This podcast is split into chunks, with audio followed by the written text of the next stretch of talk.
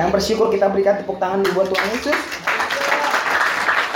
Ya Bapak Ibu Saudara, kurang lebih sekali lagi tadi saya katakan di awal 5 minggu kita belajar tentang kasih. Ada tiga inti kekristenan.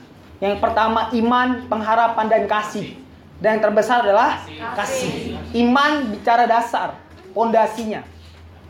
Pengharapan itu bicara topnya, gentengnya. Sedangkan kasih bicara apa tiang-tiangnya, Saudara. Nah, Saudara, iman, pengharapan dan kasih yang terbesar adalah apa? Kasih. Dan kasih sangat melekat dengan kekristenan. Kekristenan sangat kuat dengan kasih. Apa pun yang kita lakukan, lakukanlah dengan kasih. Everything apa pun. Saya masalah apa sih pemain musik? Apa sih singers? Apa sih WL? Abis main gue dilupain. Apa sih pengkhotbah? Abis khotbah paling saudara salam, makasih bang, makasih bang. Terus? Apa? Apa sih Sudah khotbah di di KKS? Bener nggak? Apa sih? Apa sih jadi jadi pimpinan di perusahaan? Itu kalau tanpa kasih, tapi kalau kita melakukan segala sesuatu, kita khotbah dengan kasih, kita melayani WL pemusik dengan kasih, itu pertama berbekas di hadapan orang lain. Tidak ada yang sia-sia kalau kita melakukan dengan kasih, tidak ada yang sia-sia. Kenapa? Pertama akan berbekas di orang lain. Ketika kita khotbah, ketika kita jadi WL, jadi singers, jadi pemain musik atau pelayanan apa pun, menjadi choir sekalipun jadi penerima tamu, kalau dengan kasih akan berbekas kepada orang lain. Pun kalaupun tidak berbekas, kalaupun apa yang kita lakukan dilupakan orang, tetapi upah kita besar di surga. Jadi kenapa kita melakukan segala sesuatu dengan kasih? Pertama itu berbekas. Dan kalaupun nggak berbekas, ada upah di surga. Amin. Tapi kalau kita melakukan tanpa kasih, pertama saudara akan letih, capek. Dan saya mau bilang, melakukan kerjaan tanpa kasih adalah hal yang meletihkan. Meletihkan. Makanya kita hari ini belajar tentang kasih. Kasih. Berulang-ulang tentang kasih. Kasih adalah zat yang menggerakkan kehidupan kita. Kasih membuat kita bergerak. Hidup. Nah hidup di sini katakan amin. Hiduplah dengan kasih. Karena kasih itu membuat kita bergairah. Apalagi nih Tuhan, apalagi nih Tuhan. Aku mau ke sekolah apalagi nih Tuhan. Tuhan Tuhan pengen kasih kepadaku. Aku punya aku pulang nanti akan ketemu dengan papa mama, akan ketemu dengan orang tuaku. Apalagi nih Tuhan, apalagi yang bisa aku berikan kepada orang tuaku? Apalagi yang bisa aku berikan kepada suamiku, istriku? Kasih. Nah, kasih pertama, next kasih membuat kita menjadi taat. Sama-sama bilang sama saya taat. Kasih membuat kita taat. Boleh next Yohanes 14 ayat 15 berkata, "Jikalau kau mengasihi aku, kamu akan menuruti segala perintahku." Kasih membuat kita taat. Dan taat yang berdasarkan kasih adalah taat yang berguna. Karena gini, kalau saudara melakukan sesuatu taat tanpa kasih, kenanya menggerutu. Dilakuin sih, dilakuin, tapi menggerutu. Aku lagi, aku lagi. Kenapa sih nggak dia aja?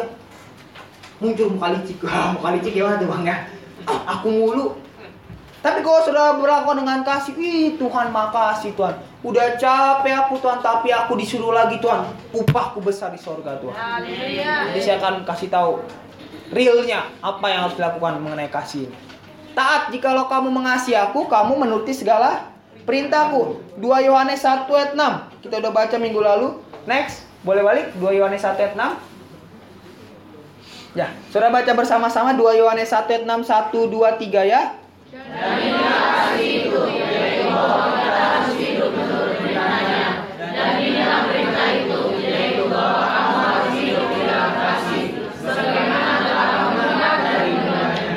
dalam kasih.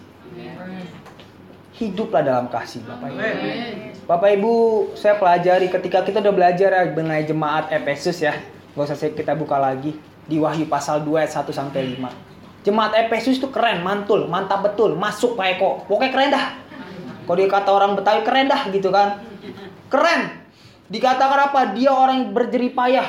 Apalagi dikatakan di ayat 2 dia orang yang tekun. Bahkan dia orang yang pintar. Bahkan apalagi mereka orang yang apa? Sabar. Jemaat di Efesus sangat sabar. Tetapi di ayat, ayat 4 dikatakan aku mencela engkau. karena engkau meninggalkan kasih. Tiba-tiba diangkat, boom, kaget saudara kan? Itu di smash langsung. Saking marahnya Tuhan kalau kita nggak punya kasih. Makanya penting sekali kasih. Amin saudara. Amin. Nah kerap kali gini. Dulu waktu kita awal habis training tuh kasih kita sama Tuhan, uh, mantap nggak ada lawan. Ibadah mulai jam 8 datang jam 5. Dia yang beresin bangku kali. Waduh semangat banget. Orang lain lompat-lompat dia gelayutan. Orang lain nyanyi suara cuma di sini dia nyanyi tuh sampai pasar saya itu kedengeran gitu. Suara yang nyanyi semangat banget. Eh tiga tahun udah ikut training udah tuh lupa semua. Apa itu? Hmm nggak dewasa itu yang lompat-lompat. Daud aja udah jadi raja tetap nari bakal sampai telanjang. Saudara nggak saya saya nggak suruh saya nggak suruh saudara telanjang kan gitu kan? Amin saudara. Ya kasih. Nah dulu kita gitu kasih sama jiwa-jiwa baru aja mengasih banget. Sama jiwa lama bodo amat. Saya mau bilang masalah jiwa baru sama jiwa lama sama-sama jiwa. Dulu ya jiwa baru pada makan dikasih. Pak, bang saya lapar bang. Oh dikasih makan. Sekarang jiwa lama minta makan keluar ayat. Orang yang tidak bekerja jadi dikasih makan. Keluar ayat saudara. Ah, jiwa lama, jiwa baru, jiwa nggak saudara? Kasih. Kita kan gitu ya, kita selalu pakai ayat itu kan dari dari wahyu orang yang ku kasih, ku tegur dan ku hajar, ku injak, ku tabok semuanya kan, semuanya. Be, saya nggak ada lawan, pokoknya kalau negor nggak ada lawan, di depan umum ditegur. Eh ke mana kau nggak ibadah? Duniawi kau buset. Dia lupa ada ayat berkata tegurlah dengan lemah lembut. Bahkan dikata tegurlah di empat mata. Kalau dia kalau sama saya enam mata, sempat mata sempat. Tegur empat mata. Kalau nggak terima terus bawa ke penatua. Nggak terima lagi dia teguran kita bawa di jemaat. Kita orang salah langsung depan umum dengan kerompong 3 meter langsung bilang ke mana kau? Dan dunia uang mulu, makanlah uangmu itu. Ya iya kita makan pakai uang saya.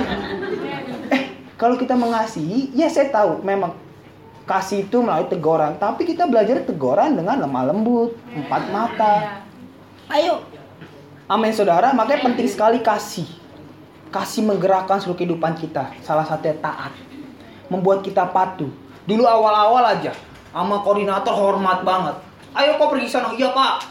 Ini siapa? Siapa presiden ya? Presiden ya kan bukan presiden, presiden. Siap, siap. Sekarang udah lima tahun ikut koordinator. Sono, ah jangan aku lah pak, itulah pak, biar dia dimuridkan. Ya. Alasan jiwa, alasannya pemuritan. Bener nggak? Kalau kita punya kasih, kita nggak sulit untuk patuh. Saudara, saya saya pelajari gini. Kerap kali kita mudah patuh kepada orang yang lebih pintar. Contoh kita SMA, dia misalkan dia kuliahan pemimpin kita, kita patuh mudah banget. Apalagi kalau kita digaji dia siap. Tapi biasanya gitu kalau kita misalkan lulusan S1, dia S2, SD, SMP gitu kan. Kita S1, serta strata 1, dia S- SMP, SD, SD, SMP, S2 gitu. Susah kita patuh. Ih, siapa lu? Nyuruh-nyuruh gua. Lu aja cuman S2, SD, SMP, gua S1. Kenapa kali gitu? Kita patuh sama orang yang di atas kita lebih hebat mudah. Tapi patuh kepada orang yang tidak lebih pintar, pendidikan tidak lebih hebat, bahkan ekonomi tidak lebih hebat sulit. Padahal kalau kita belajar, kalau kita punya kasih, selagi dia pemimpin, walaupun dia ada kekurangan, kita tetap patuh sama dia. Kita tetap taat sama dia. Bang, tapi yang diomongin bang dikasih tahu nggak bener bang. Ya udah biar Tuhan yang hukum dia. Mungkin kesabar geledek gitu kan ya. Sibuk banget saudara gitu. Udah urusan dia sama Tuhan, kita patuh aja. Amin. Dan kita bisa patuh. Kita punya pemimpin mungkin nggak lebih pintar, kita punya PKS nggak lebih pintar, tapi kita mau patuh itu bisa karena kita punya kasih. Kasih dari hati. Makanya boleh next ini saya pelajari saudara. Hat, taat berasal dari kata hupakuo akuo, obedience bahasa Inggrisnya. Bahasa Yunani Ibrani sama. Yang artinya next. Artinya apa? Mendengar ke dalam. Apa? Hati. Makanya taat bicara kasih, taat bicara hati. Makanya kita bisa taat kalau kita memiliki kasih. Amin. Tapi bang saya taat kok bang. Iya taat bukan karena kasih tapi karena takut dihukum. Takut diskorsing. Takut dipecat. Tapi kalau kita taat karena kasih, itu yang mendatangkan berkat. Amin. Yang mau taat karena kasih katakan amin. Amin. Saya pelajari mengapa orang tidak mau taat. Boleh next. Pertama, sombong. 1 Korintus pasal 8 ayat 1 saya pelajari tentang daging persembahan berhala kita tahu kita semua punya pengetahuan pengetahuan yang demikian membuat orang menjadi sombong tapi kasih membangun kasih membangun saya katakan tidak salah pengetahuan kita harus punya pengetahuan tapi kerap kali pengetahuan ini merasa ya lebih pintar. Memang faktanya saudara lebih pintar. Bahaya kalau saudara merasa lebih pintar. Tapi mungkin faktanya kita lebih pintar kita lebih pengalaman. Kita punya pemimpin nggak lebih pengalaman. Kita punya PKS nggak lebih pengalaman. Tapi saya mau bilang yuk kita patuh. Apa yang kedua membuat kita tidak taat? Malas. Orang malas tidak akan menangkap buruannya tetapi orang rajin akan memperoleh harta yang berharga. Malas. Ngapain lo banyak aku lakuin itu ntar ada yang ngelakuin kok malas sombong dan saya dan malas ada satu kisah boleh next kisah Kalinik di Piala Dunia 2018. Ya, datang, membangkang dan pulang. Saudara, waktu itu tahun 2018 pemain Kro- Kroasia mendapat juara dua.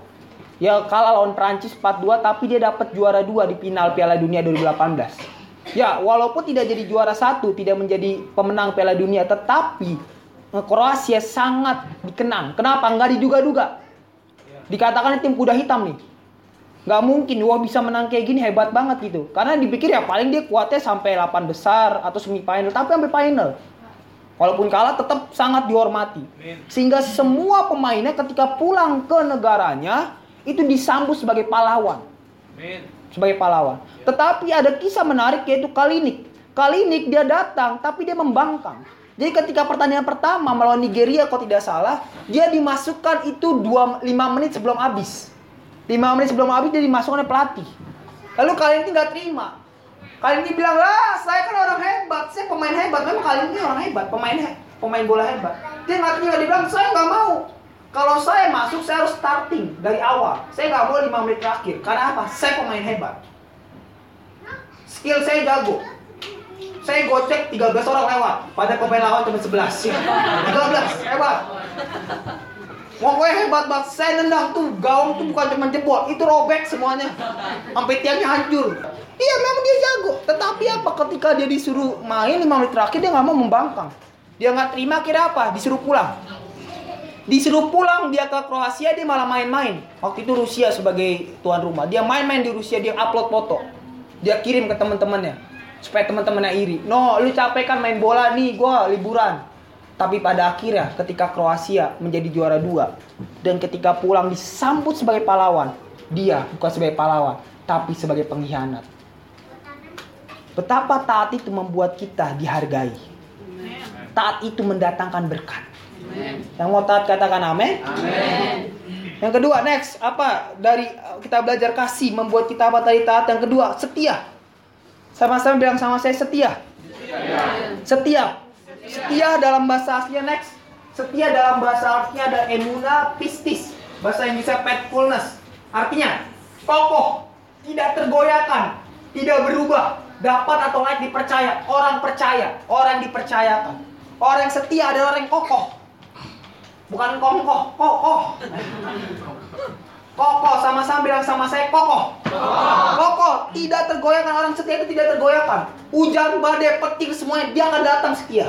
Itu makanya saya bilang, saya mau bilang saudara mantul mantap betul. Walaupun hujan di laut saudara tetap datang. Saya mau bilang saudara adalah orang setia. Tepuk tangan buat Tuhan Yesus Kristus. Setia kokoh dia. Dia tidak bisa, dia tidak bisa tergoyahkan oleh apa pun. Oleh masalah, oleh tantangan, oleh sakit hati apa pun dia tidak mau mundur. Setia. Saya mau bilang saudara pada hari-hari terakhir ini dibutuhkan orang setia. Amin. Haleluya. Dan kita bisa setia kalau kita memiliki kasih. Kasih membuat kita taat. Kasih membuat kita apa sih? Sebab ya saya mau bilang, kalau kita tidak taat, kalau tidak kita tidak uh, tidak setia, artinya apa? Kita tidak memiliki. Bahkan oke, mungkin keras banget bang nggak punya kasih. Mungkin kasih kita nggak kaya, kasih kita tidak melimpah, kasih kita tidak besar. Makanya kita milikilah kasih yang kaya, miliki kasih yang melimpah, miliki kasih yang besar. Sehingga saudara tidak sulit untuk taat dan setia. Taat dan setia kepadamu Tuhan. Ku datang ya Bapa Setia. Makanya taat dan setia berasal daripada ha, hati. Titikus boleh next saudara. Titikus adalah seorang pelayan. Dia adalah teman teman daripada Paulus. Ya dia teman daripada Paulus Dan dia setia dalam pekerjaannya Mengantar surat. Mengantar surat kepada jemaat jemaat di Efesus. Dikatakan Efesus 6 ayat 21 sampai 22 supaya kamu juga mengetahui keadaan, keadaan dan hal ikwalku. Maka tik Tikhikus, saudara kita yang kekasih dan pelayan yang setia, pelayan yang setia dalam Tuhan akan memberikan semuanya kepadamu. Ayat yang ke-22 dengan maksud inilah ia kusuruh kepadamu yaitu supaya kamu tahu hal ikwal kami dan supaya ia menghibur hatimu. Titikus adalah orang yang setia. Walaupun saudara tugasnya pengantar surat doang. Ngantar surat. Saya bisa bayangin saudara. Dia bersama-sama dengan Paulus, orang hebat. Khotbah mulu. Dihormati. Tetapi dia tidak pernah bilang, kapan jadwal gua khotbah? Paulus, kamu mulu yang khotbah aku dong. Aku kan teman kamu. Tapi dia nggak pernah gitu, dia terus setia ngikutin Paulus. Pak uh, Tikikus kirim surat ke Efesus, dikirim sama dia ke Efesus surat. Dia setia mengantar surat. Surat yang Paulus tulis pada jemaat-jemaat. Salah satu jemaat Efesus. Dan akhirnya apa? Dengan dikatakan apa? Makanya kita akhirnya berkata apa? Pelayan setia di dalam Tuhan. Wow. Sampai Tuhan pun mengakui bahwa dia pelayanan setia. Saya mau bilang kalau saya setia, saya terus maju. Walaupun pemimpin saudara ya nggak pinter-pinter banget. Walaupun dia keadaan ya mungkin apa namanya saudara apa yang disuruh tidak masuk akal, tapi saudara tetap taat dan tetap setia. Tuhan sendiri berkata, engkau adalah hambaku yang setia. Amin saudara. Setialah. Setialah saudara. Ayolah. Bagaimana dulu kita evaluasi yuk? Dulu gimana? Di 2019 apakah kita jadi orang setia? Dulu awal-awal awal-awal training wah ibadah tengah minggu datang semuanya. Sekarang gimana? Yuk kita evaluasi. Amin saudara. Setia mudah kalau keadaan sedang baik-baik saja. Ya mudah. Istri lagi gak bawel, mudah setia sama istri. Suami lagi gak sedikit marah, maksudnya apa? Sedikit-sedikit marah. Emosi gitu. Itu kan kok suami kan gitu kan sedikit-sedikit marah, salah dikit marah Wah, salah dikit piring terbang, salah dikit baskom terbang. Itu kulkas sama TV kalau ringan terbang juga itu. Setia kalau misalkan suami lagi baik, gitu kan. Gampang setia tetapi kalau suami lagi emosi, istri lagi bawel, lah ini nggak nggak mudah untuk setia. Setia bukan bicara gini, bang saya nggak ceraiin dia kok bang. Ya memang kita nggak boleh lagi kalau kita sudah dalam Tuhan nggak boleh cerai lagi. Tapi setia dalam ini apa? Setia untuk memberikan yang terbaik kepada istri dan suami. Kerap kali gini, orang kerap kali salah memahami keluarga. Dia pikir keluarga adalah tempat mencari kebahagiaan. Saya mau bilang bukan. Keluarga bukan tempat mencari kebahagiaan, tetapi keluarga adalah tempat berbagi kebahagiaan. Saya ulangi lagi ya. Keluarga bukan tempat mencari kebahagiaan, tapi keluarga adalah, adalah tempat berbagi kebahagiaan. Berbagi kebahagiaan. Setia mudah kalau keadaan baik-baik saja. Gereja lagi baik, mudah kita nggak ditegur mudah setia khotbahnya bagus kita setia. Tetapi kalau semuanya berubah itu sulit untuk setia. Makanya baik keadaan apa pun tadi dikatakan setia itu kokoh kita. Apa pun keadaan tetap setia. Tetap kokoh. Situasi apa pun tetap kokoh. Contoh ya kita belajar saudara bagaimana taat adalah prestasi tertinggi. Dan setia adalah apa? Predikat. Sama saya bilang sama saya taat. Adalah prestasi tertinggi. Setia, adalah, apa saudara? Predikat. tertinggi. Next saudara. Saudara pasti pengen bagaimana kita ingin jadi perwira tinggi. Wih, jenderal bintang 4. Kalau saudara beda bintang 5 saudara ya. Atau bintang 7 muter-muter di kepala gitu kan pusing. Gitu kan. Ya saudara, tertinggi Pangkat tertinggi di polisi ada bintang 4. Tuhan gak pengen cuman kita menjadi strip satu, inspektur, polisi dua, ibda. Kemarin saya ketemu dengan adik kelas saya yang masuk akmil. Ngomong-ngomong segala macam. Saya bilang, apa kamu punya cita-cita minimal? Ya, saya minimal bang, bintang dua udah cukup, saya bilang. Ya itu cuma sampai situ bintang dua. Padahal Tuhan pengen kita mendapat bintang empat. Tertinggi. Sehingga kita jadi jenderal-jenderalnya Tuhan. Amin saudara. Yang mau jenderal-jenderal Tuhan katakan amin. Taat dan setia. Karena taat tidak mudah, setia tidak mudah. Makanya kalau saudara taat dan setia, akhirnya apa? Mendapat prestasi dan predikat. Disambut sebagai jenderal. Oh iya, ngomongnya gampang. Oh iya, saudara. Dengar khotbah ini gampang. Saudara bilang taat, amin, amin. Setia, amin, amin. Nanti dulu. Besok, hari Senin, Selasa, Rabu, Kamis, nanti minggu-minggu ke depan, bulan-bulan ke depan ketemu dengan masalah. Nah ini diperadabkan. Bisa taat apa nggak setia? Bisa taat nggak? Bisa setia nggak?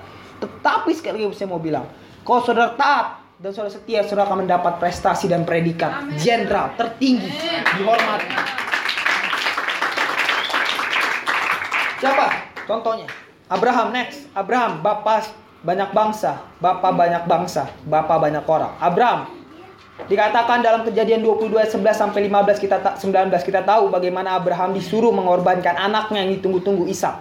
Ayat 11 dikatakan tetapi berserulah malaikat Tuhan dari langit kepadanya. Abraham, Abraham sautnya ya Tuhan. Lalu ia berfirman, janganlah bunuh anak itu dan janganlah kau apa-apakan dia. Sebab telah ku ketahui sekarang bahwa engkau takut akan Allah dan engkau tidak segan-segan untuk menyerahkannya. Wow, tidak segan-segan dia patuh sepenuhnya sama Tuhan.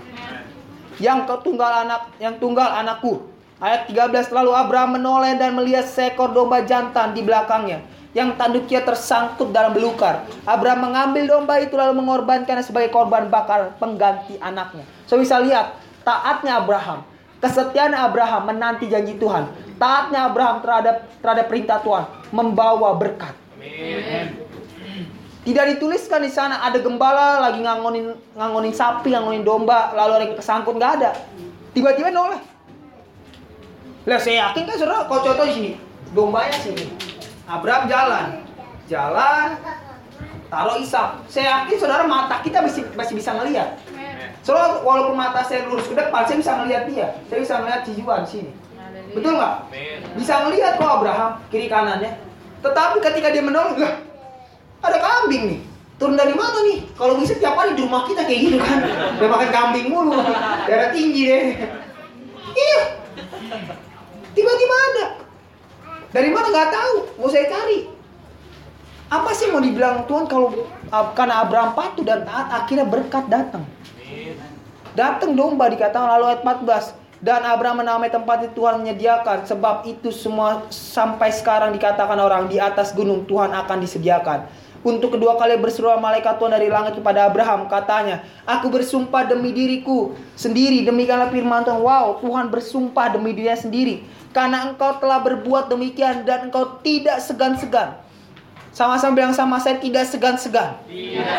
Tidak segan-segan untuk menyerahkan anakmu yang tunggal kepadaku. Tidak segan-segan untuk patuh. Tidak segan-segan untuk setia. Dikatakan ayat 17, maka aku yaitu Tuhan akan memberkati engkau berlimpah-limpah dan membuat keturunanmu sangat banyak seperti bintang di langit dan seperti pasir di tepi laut dan keturunanmu itu akan menduduki kota-kota musuhmu. Ayat 18 sudah baca bersama-sama 1 2 3 ya.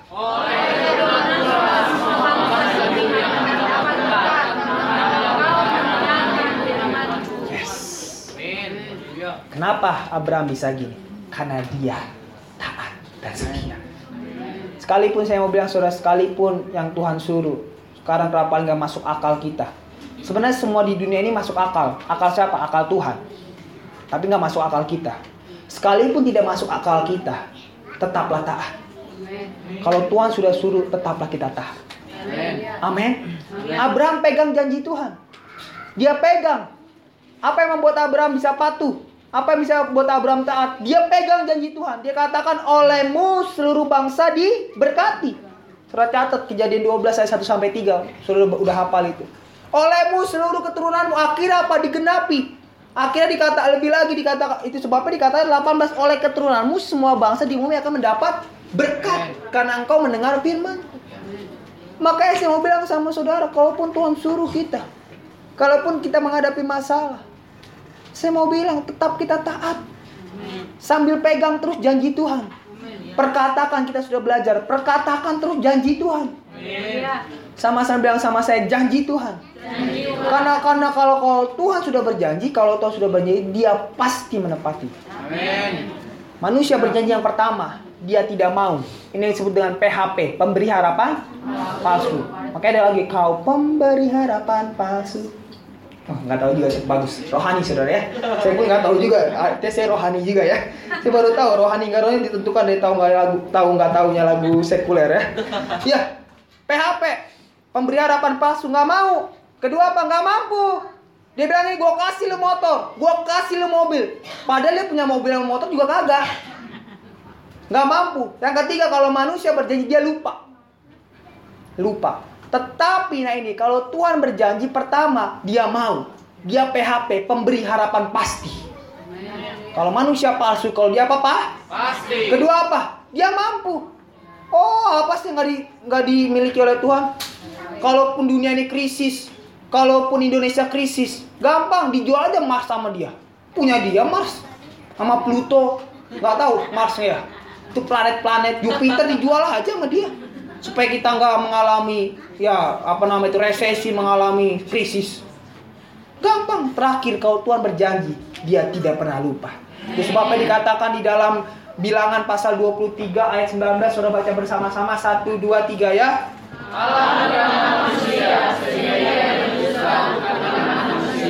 Sehingga ia bisa masalahnya berfirman dan tidak melakukannya atau berbicara dan tidak menepatinya. Allah bukan manusia. Kalau manusia tadi, dia mungkin pertama tidak mau. Kedua apa dia tidak mampu. Ketiga lupa. Tuhan, dia mau. Dia mampu. Dia tidak pernah lupa. Untuk menepati kepada saya.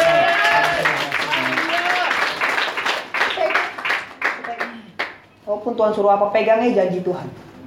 Pegang. Amin saudara. Amin. Ya, itulah saudara sebabnya saudara kalau kita taat dan setia. Itu sebabnya saudara kalau setan tahu kalau kita taat dan setia kita pasti mendapat berkat. Itu sebabnya setan menghalang-halinya dengan memberikan kita namanya kepentingan diri sendiri. Kamu taat, kamu setia, apa yang kamu dapat? Setan gitu. Dia coba supaya kita apa? Memikirkan kepentingan diri sendiri. Supaya kita tidak taat dan kita tidak setia. Dibuatlah kita jadi eh, anak zaman sekarang baper, bawa perasaan. Itu tuh. Iya. Dimarahin dikit langsung baper.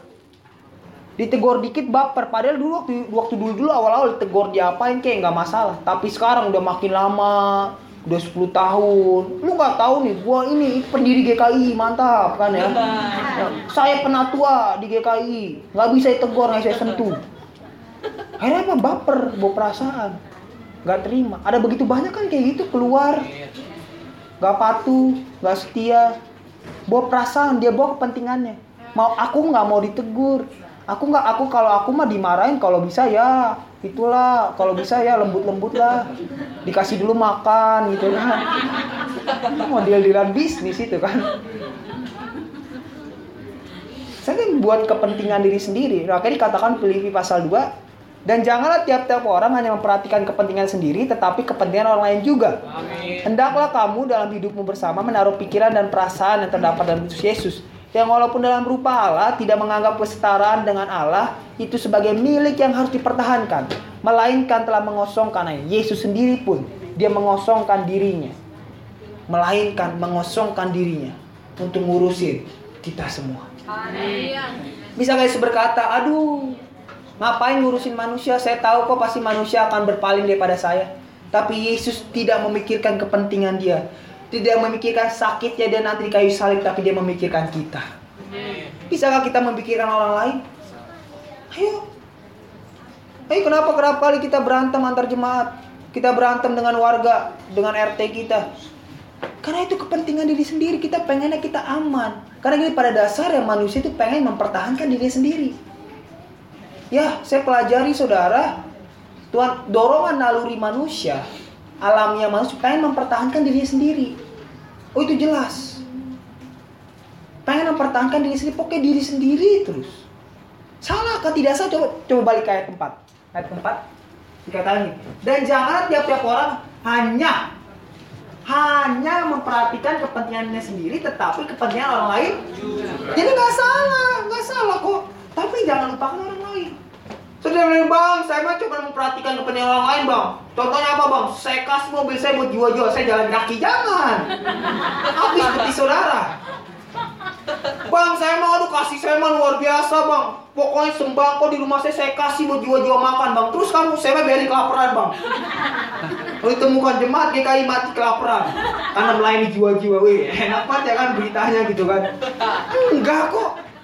Bang, saya mah ya, saya pakai baju compang camping aja. Yang penting jiwa-jiwa pakai baju bagus, bang. Enggak, saudara. Saudara nggak apa-apa kok kita mau rapikan diri kita. Keren gitu kan, pakai hak wangi, apa namanya itu parfum yang 2 km kecium nggak kan? Nggak apa-apa. Uh, cium gitu kan, radius 2 km. Nggak salah. Nggak salah. Oh, tadi jodoh buat anak salah nggak? Nggak salah. Tapi tadi gue jodoh buat anggota kayak saudara kan gitu ya. Gak salah. Memperhatikan anak sekolah minggu, anak kita salah nggak? Gak salah. Tapi jangan lupa perhatikan juga anak sekolah minggu. Perhatikan guru-guru sekolah minggu. Gak salah dikatakan dan janganlah tiap-tiap orang hanya memperhatikan kepentingan sendiri, tetapi dikatakan hanya. Yang salah itu hanya diri sendiri. Orang lain lupa. Tapi kalau saudara perhatikan orang lain dan saudara perhatikan diri saudara nggak masalah. Yang mau memperhatikan orang lain katakan amin. Amin. Itu sekali lagi, apa yang membuat kita akhirnya memiliki kasih? Karena kepentingan diri sendiri. Yesus, boleh next. Yesus dicobai, saudara boleh baca di rumah waktu kita tidak banyak. Di Matius 4 dan Lukas 4, Yesus dicobai di padang gurun, saudara. 40 hari, berapa hari saudara? 40 hari dia lapar. Maaf, dia puasa. Lapar nggak tuh? Lapar. Saudara dua hari, satu hari puasa aja, kelaparan kan? Bahkan berdalih saya puasa makan sambil minum kan? Baru kan dia bilang boleh kok boleh kok boleh makan makanan ringan ya kan ya. Makanan ringan tapi satu dus ya. Kenyang Bener. dulu saya waktu kecil saya katanya boleh makan gitu kan. Akhirnya kakak saya makan ciki harganya lima ribu. Makan ciki dia kan itu lalu saya makannya nih makan pisang saya makan pisang itu satu sisir. Lalu kakak saya bilang, iya nggak boleh. Dia bilang harus makanan ringan, kalau makan berat. Saya bilang, harga kimo berapa? Lima ribu. Harga apa namanya pisang saya cuma dua ribu. Berarti lebih ringanan saya gitu kan, dua ribu gitu kan. Dia lima ribu, saya dua ribu gitu kan. Kita ini 40 hari nggak makan sudah lapar. Lalu iblis datang mencobai dia, mencobai dengan apa? Ngasih makan. Lapar nih kepentingannya apa? Kepentingan Yesus adalah untuk apa? Makan. Iblis mencobai dia dengan apa? Memberikan dia, menawarkan dia untuk makan. Dikatakan kau bisa ubah itu batu jadi roti, lalu makan. Tapi Yesus berkata, manusia hidup bukan dari roti saja. Yesus pun dicobai. Kita saya mau bilang 2020 kita akan dicobai dengan kepentingan diri kita. Oh iya. Saudara, semakin umur kita semakin bertambah, semakin kita tua, semakin banyak kepentingan kita. Saya mau bilang, dulu waktu muda sedikit Kayak contoh saya. Dulu waktu saya SMA, apa sih kepentingan saya? Cuma sekolah. Paling jadi pengurus remaja. Saya di Bekasi. Sekarang saya kuliah. Saya sebagai pengkhotbah. Saya ketua departemen remaja di Bekasi. Saya di kampus pun ngurusin senat segala macam. Saya pertemuan dengan mahasiswa teologi teologi Indonesia. Saya ngurusin. Makin banyak kepentingan kita. Makin banyak alasan untuk bilang gini. Ah nggak perlu datang lah ibadah. Banyak kepentinganku. Iya. Semakin kita punya umur, semakin baik kepentingan kita loh. Dulu sebelum nikah aman. Sekarang udah nikah, kepentingannya apa? Bahagian suami, ngurusin anak. Semakin banyak alasan untuk kita tidak taat dan tidak setia. Makanya Tuhan mengajari kita, yuk jangan kita memiliki kepentingan pribadi. Hanya kepentingan pribadi sekali lagi. Yang mau belajar itu katakan amin. Amin. Ayo lepaskan itu. Yesus dia tidak memakai kepentingannya, tetapi dia bilang saya mengasihi Tuhan. Aku lebih ingin melakukan apa kehendak Tuhan daripada kepentinganku. Kalau dia tidak ingin, maaf sekali, kalau dia tidak ingin melakukan kehendak Bapa, dia nggak mungkin mau mati buat kita. Tapi karena dia melakukan kehendak Bapa, kehendak Tuhan, akhirnya dia mau mengalahkan kepentingan dia. Untuk apa? mati buat kita. Yohanes 15 ayat 9 sampai 10 seperti Bapa telah mengasihi aku demikianlah juga aku telah mengasihi kamu. Tinggallah di dalam kasihku itu. Jikalau kamu menuruti perintahku, kamu akan tinggal di dalam kasihku seperti aku menuruti perintah Bapakku dan tinggal di dalam kasih. Wow. Ini Yesus. Amin saudara. So ayo. Pemain musik boleh maju saya sekitar 5 menit lagi. Ayo kita tinggalkan kepentingan-kepentingan kita. Raja Saul gagal karena kepentingannya. Boleh next? Kepentingannya sendiri. Oh kita udah belajar itu, saya tidak perlu jelaskan lagi. Itu sebabnya terakhir Paulus next. Paulus boleh mengajarkan, boleh next? Next. Paulus mengajarkan supaya kita, supaya keluarga, suami istri, pernikahan tidak membuat kita hilang dari kasih atau kasih kita menjadi tawar.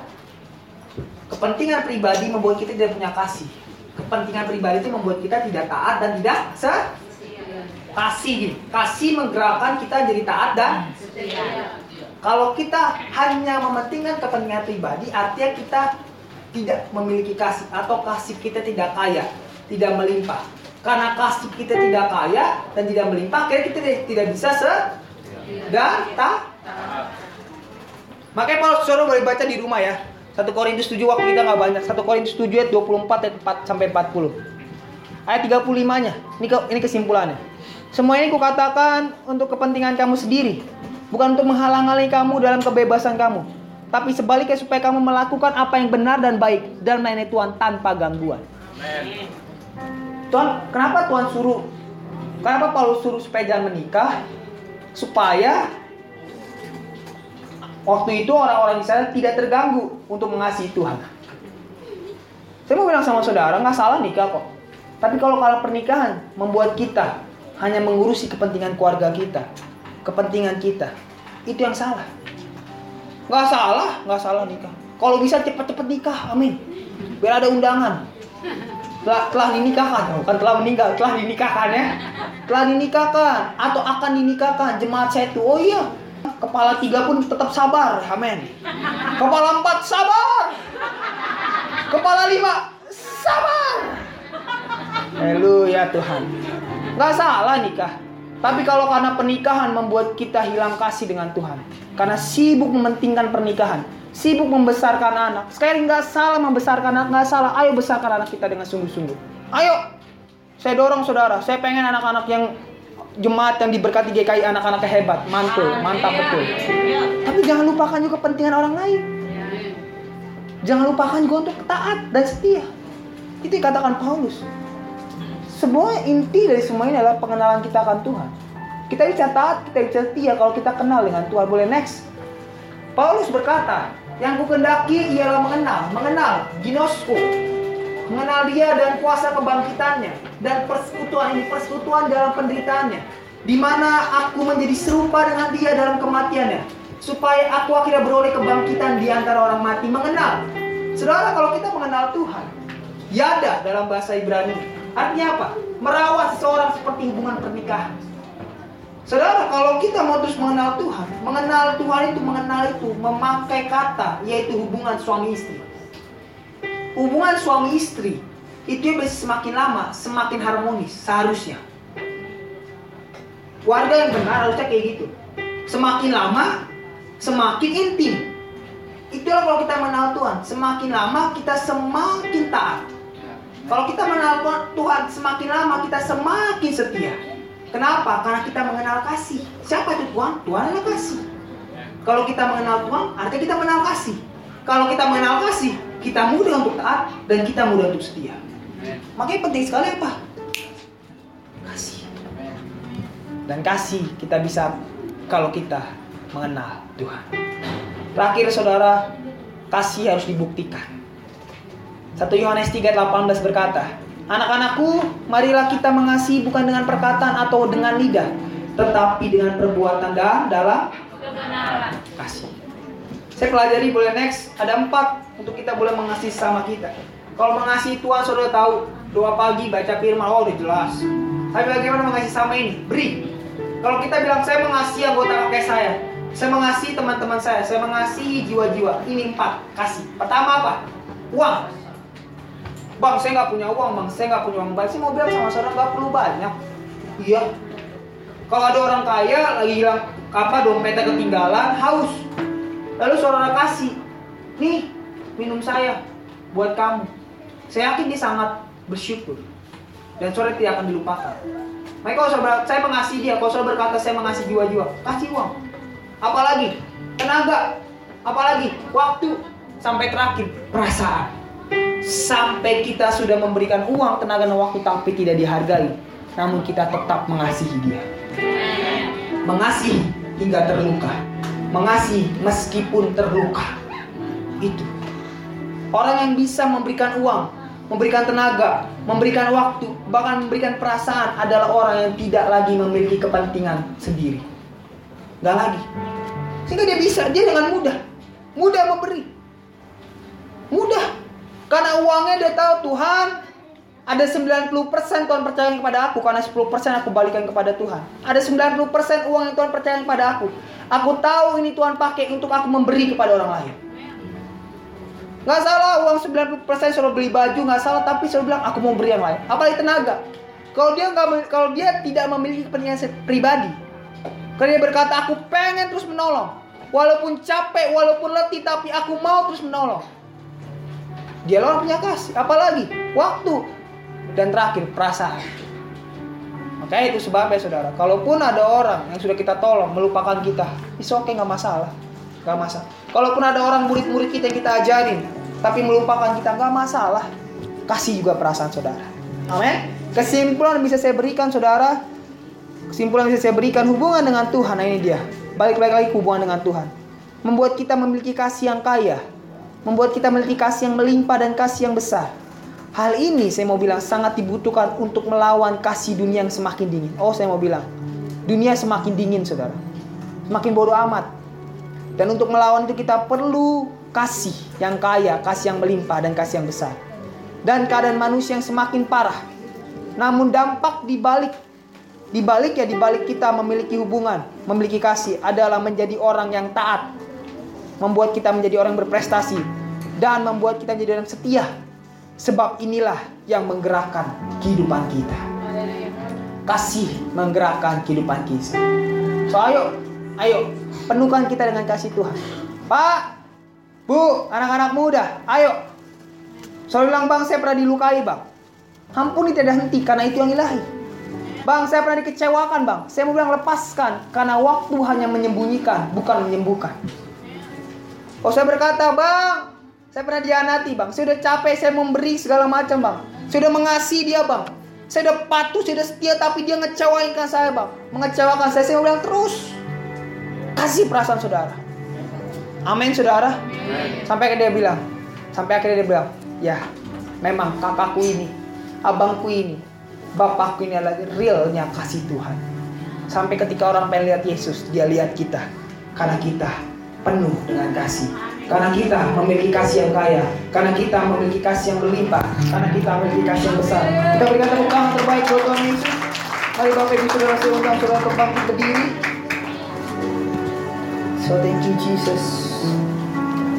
Minggu pertama di bulan ini Tuhan, di tahun ini. Ku datang ya Bapa dalam kerinduan. Kami mau taat dan setia Tuhan. Kami mau penuh kasih Tuhan.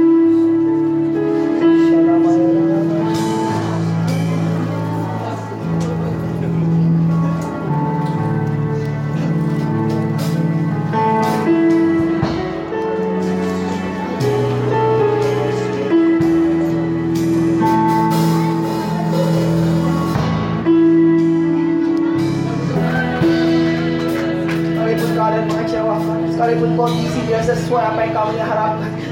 Tapi kami mau belajar untuk taat dan setia Tuhan. Kami mau belajar untuk taat dan setia dan kami tahu itu semua kalau kami memiliki kasih.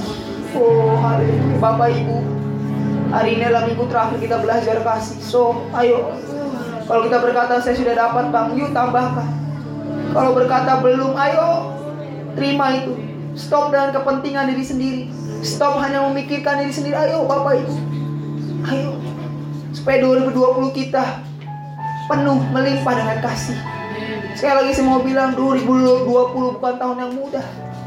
Tapi kalau kita melimpah dengan kasih, kalau kita melimpah kaya dengan kasih, kita bisa melewati. Kita akan bertemu dengan orang-orang yang nyebelin, orang-orang yang ngeselin, orang-orang yang gak tahu terima kasih, kita akan ketemu. Yang membuat kita emosi, tetapi kalau kita punya kasih, kita bisa menghadapi. Bapak yang baik, terima kasih firman menyadarkan kami. Bahkan menambahkan kami supaya kami boleh lebih lagi kaya akan kasih, melimpah dan besar kasih kami. Untuk kami bisa taat dan setia Tuhan. Sebabnya Tuhan hubungan kami dengan Kau lebih lagi kami tambahkan. Terima kasih. Silakan